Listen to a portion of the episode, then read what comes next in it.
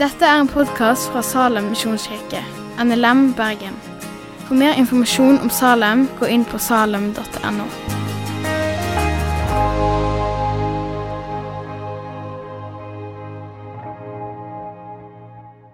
Vi takker deg for at vi har fått se Ester og Lida blitt begravet med deg, oppreist med deg. Og vi takker deg for at vi som er døpt, frimodig kan få se tilbake på vår dåpsdag og vite at den dagen starta et nytt liv i oss. Som selv om vi en som lenge lever med det gamle livet, der vi blir frista, der vi faller, så vet vi at du bor i oss og bevarer oss, og vil bevare oss til enden. Vi takker deg for at vi skal få leve i din nåde. Så takker jeg for de midlene som er kommet inn nå. Vi ber om at de som skal forvalte de pengene, har visdom og Guds frykt, slik at de pengene blir brukt best mulig.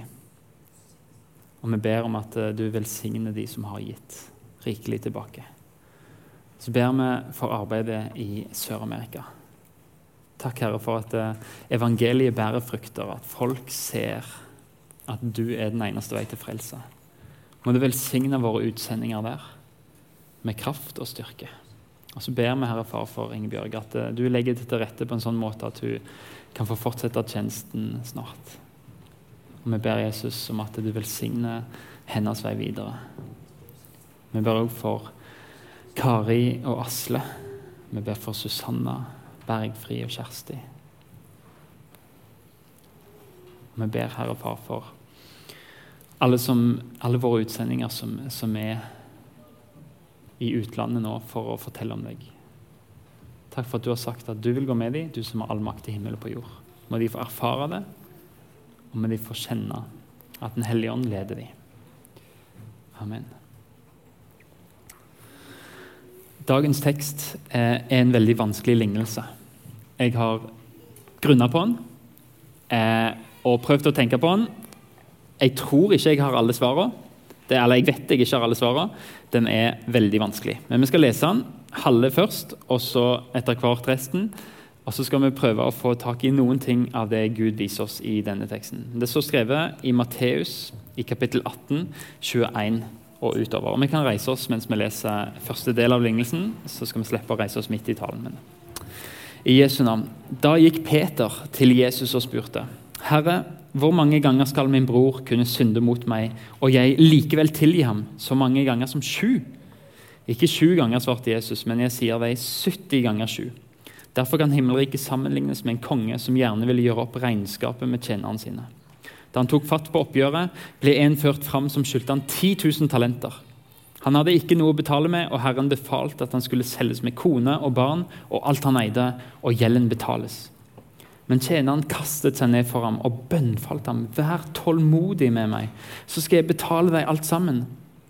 Da fikk Herren inderlig medfølelse med den tjeneren, slapp ham fri og etterga ham all gjelden. Amen. Da kan jeg få se deg. Peter spør Jesus hvor mange ganger skal jeg tilgi. Og så tar han, For oss virker det som et tall som ut av løse lufta, sju. Men det var et spørsmål faktisk på den tida. De, de snakker om dette, rabbinerne.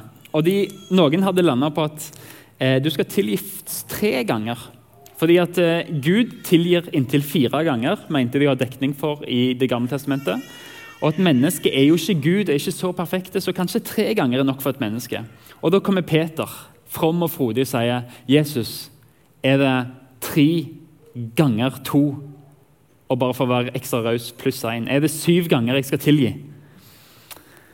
Jesus svarer Peter 70 ganger 7. I Bibelen så er det tall som viser fullkommenhet og helhet. Og Jesus sier 'tilgi ubegrensa', Peter. Du skal ikke føre regnskap i tilgivelsen, du skal tilgi. I første Mosebok så leser vi om Kain som dreper Abel, og Gud viser han vekk og sier Kain, ja, men folk kommer til å drepe meg. Så sier Gud nei, jeg setter merke på deg. Og de som dreper Kain, skal jeg hevne sju ganger. Og så noen et, eh, ledd seinere er det en som heter Lamek, en hovmodig kar, som sier som stolt står fram og sier Gud sa at Kain skulle hevne syv ganger, men den som gjør noe mot Lamek, skal betale 70 ganger syv tilbake. Det mennesket. Jesus sier, 'Jeg vil at du skal tilgi 70 ganger 7'. Hovmodet skal slippe, barmhjertigheten skal regjere. Det er to spørsmål som jeg vil prøve å svare på i løpet av talen ut fra denne teksten og konteksten. Hva er tilgivelse, og hvordan kan vi tilgi? Så først og først, Hva er tilgivelse? Nå er det viktig å si at en tekst i Bibelen aldri står alene.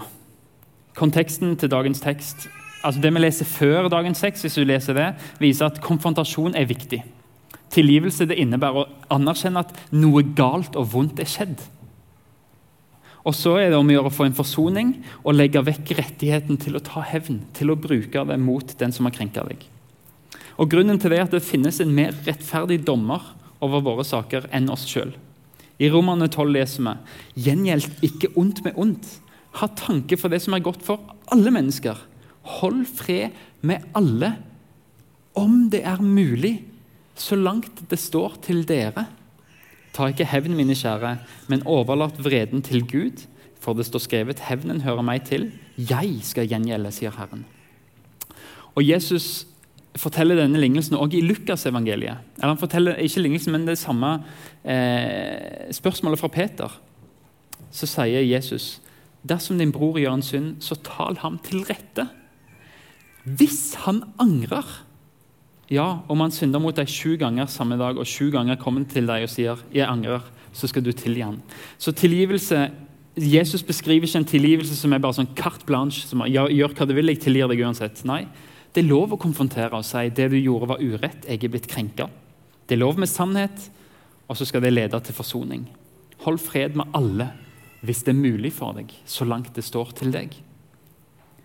Og gi avkall på hevn fordi vi har en mer rettferdig dommer.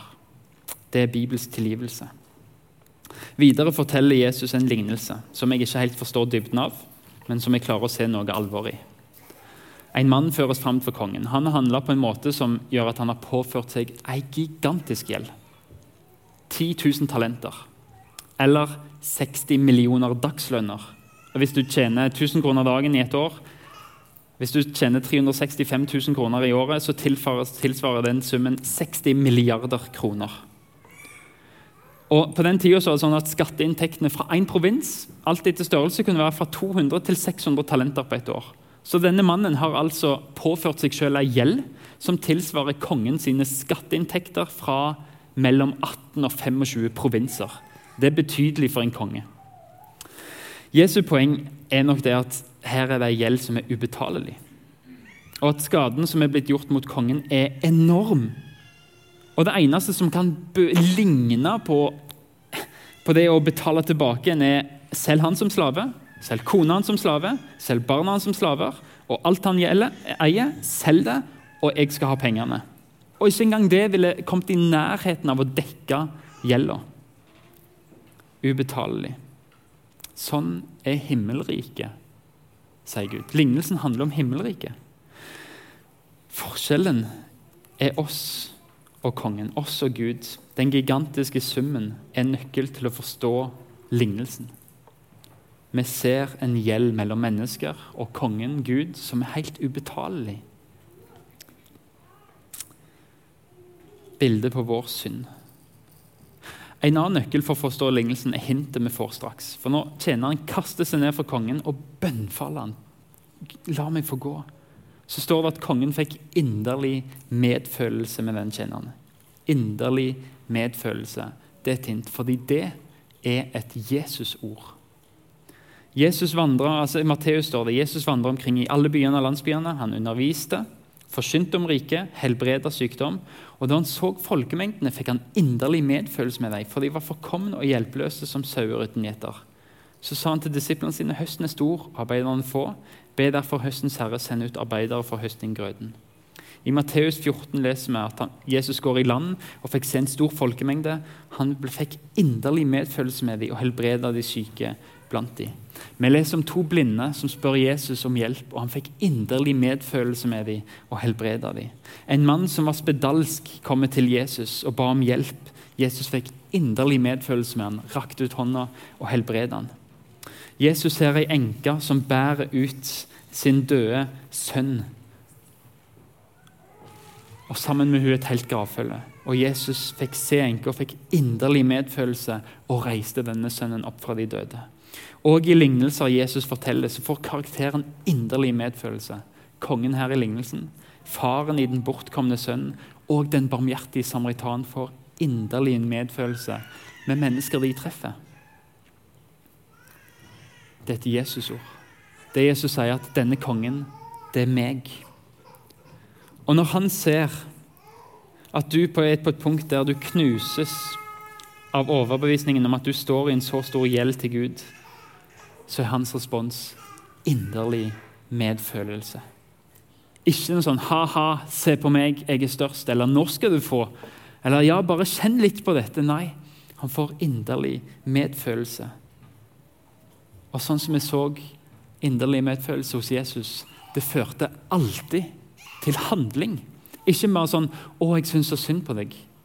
Snakkes. Men det førte til at Jesus gjorde noe. Hva gjør Jesus når vi bekjenner vår synd? Jo, han setter oss fri fra synd, fra skyld, fra skam, og ettergir oss gjelden. Det betyr ikke at kongen i denne lignelsen finner en annen måte å få 10 000 talenter på. Idet han tilgir slaven, så er de pengene tapt for kongen.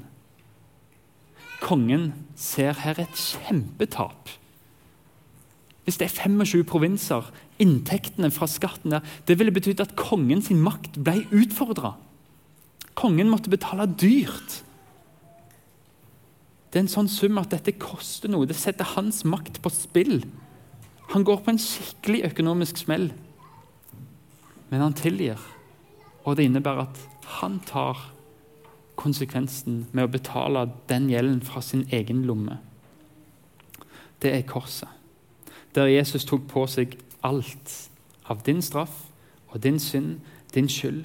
Han visste at hvis han skulle tilgi deg, så visste han at det kom til å koste han dyrt. Han visste at han måtte ta tapet, at han sjøl måtte betale. Hans inderlige medfølelse sa, 'Jeg ettergir deg alt dette. Jeg skal sjøl betale dette.' Og Det gjør han i visshet når han går inn i døden for oss. Han vet at 'jeg får ikke dette igjen' med at noen skjerper seg. Jeg betaler det helt og fullt sjøl. Han må det for å kunne tilgi. Og han gjør det med den største og inderlige inderligste medfølelse med oss. Den som kommer til Jesus med sin synd, får friheten og blir ettergitt sin gjeld. Og Jesus vil aldri nekte deg å komme. Og når du kommer, så vil han aldri handle utenfor karakter. Han vil være inderlig barmhjertig. Han vil tilgi. Jeg skulle ønske at lignelsen slutta sånn. Der skulle jeg ønske at Jesus sa Punktum. Kom, vi går og spiser litt mat. Men han fortsetter. Utenfor møtte tjeneren en av de andre tjenerne. En som skyldte ham 100 denarer, altså 100 dagslønner, eller en sekshundrendedel av den gjelden han nettopp ble tilgitt sjøl. Han grep fatt i ham, tok strupetak og sa 'betal det du skylder'. Men den andre falt ned for ham og ba 'vær tålmodig med meg, så skal jeg betale deg'. De samme ordene han nettopp hadde vært inne hos kongen og bedt. Det burde ringe ei bjelle. Men han ville ikke. Han gikk av sted og fikk ham kastet i fengsel. Der skulle han sitte til han hadde betalt gjelden. Da de andre tjenerne så hva som skjedde, ble de dypt bedrøvet og gikk og fortalte herren sin alt som hadde hendt. Da kalte herren han til seg igjen og sa til ham, du onde tjener. Hele gjelden etterga jeg deg fordi du ba om det. Burde ikke også du vist barmhjertighet mot din medkjenner, slik jeg viste barmhjertighet mot deg? Og Herren ble sint og overlot tjeneren til å bli mishandlet av en fangevokter til han hadde betalt hele gjelden. Slik skal også min himmelske Far gjøre med hver og en av dere som ikke av hjertet tilgir sin bror. Hva skal vi si om en sånn slutt? Det er et stort alvor i det. Og det er i tråd med flere ting i Bibelen. Tilgi oss sånn vi òg tilgir våre skyldnere, ba vi i Fader vår. Eller Jesus sier 'salige er de barmhjertige, fordi de skal få barmhjertighet', sier Jesus i bergpreken. Vi kan ikke bare viske det vekk. Jeg har sett at det er to måter å tolke teksten på. Når, kongen, når det står i lignelsen at kongen kasta slaven i fengsel og ble mishandla av fangevoktere til han hadde betalt hele gjelden. Noen tenker at dette er fortapelsen. Hvis du ikke tilgir andre mennesker, så kan du ikke bli tilgitt sjøl. Jeg syns det er vanskelig å tolke han sånn. Fordi det står at han skal være der til han har betalt gjelden. Som om du kommer i fortapelsen, og så er det midlertidig til du har gjort opp for det du skal gjøre, og så får du evighet med Gud, for evig liv. Men, men det krasjer litt med mange andre bibelvers. En annen tanke er at det fengselet og det, den torturen eller Det er et, et bilde på at den som ikke tilgir, den blir ikke fri. Men den går og bærer, den bærer nag til andre mennesker og blir fortært av sinne og bitterhet. På den måten så betaler en sjøl gjelden for det vonde som er skjedd mot en sjøl. En greier ikke slippe det. At Jesus sier tilgivelsen er frihet, der du gir slipp på det vonde, der du gir slipp på hevntanker og overlater det til meg, som dømmer rettferdig. Der han sier ikke la det få definere deg. Ikke la den som har krenka deg, få kontrollere ditt handlingsmønter, men bli fri. Derfor er tilgivelse viktig for oss. Sånn som en mann som hadde en far som var åndelig manipulerende. Og som tvang han til å gå på bedehuset eller i kirka som liten. Og som blir invitert i kirka, og som sier Eller folk kommer og sier jeg vil at barna dine skal få med på leir eller barnelag. Og der han sier nei. Min far tvang meg i kirka, tvang meg til å tro jeg skal aldri tvinge mine barn på noe kristelig. Men er det sånn at faren fortsatt får kontrollen over han? Definerer han? Blir han fortært og kontrollert av det at han ble krenka?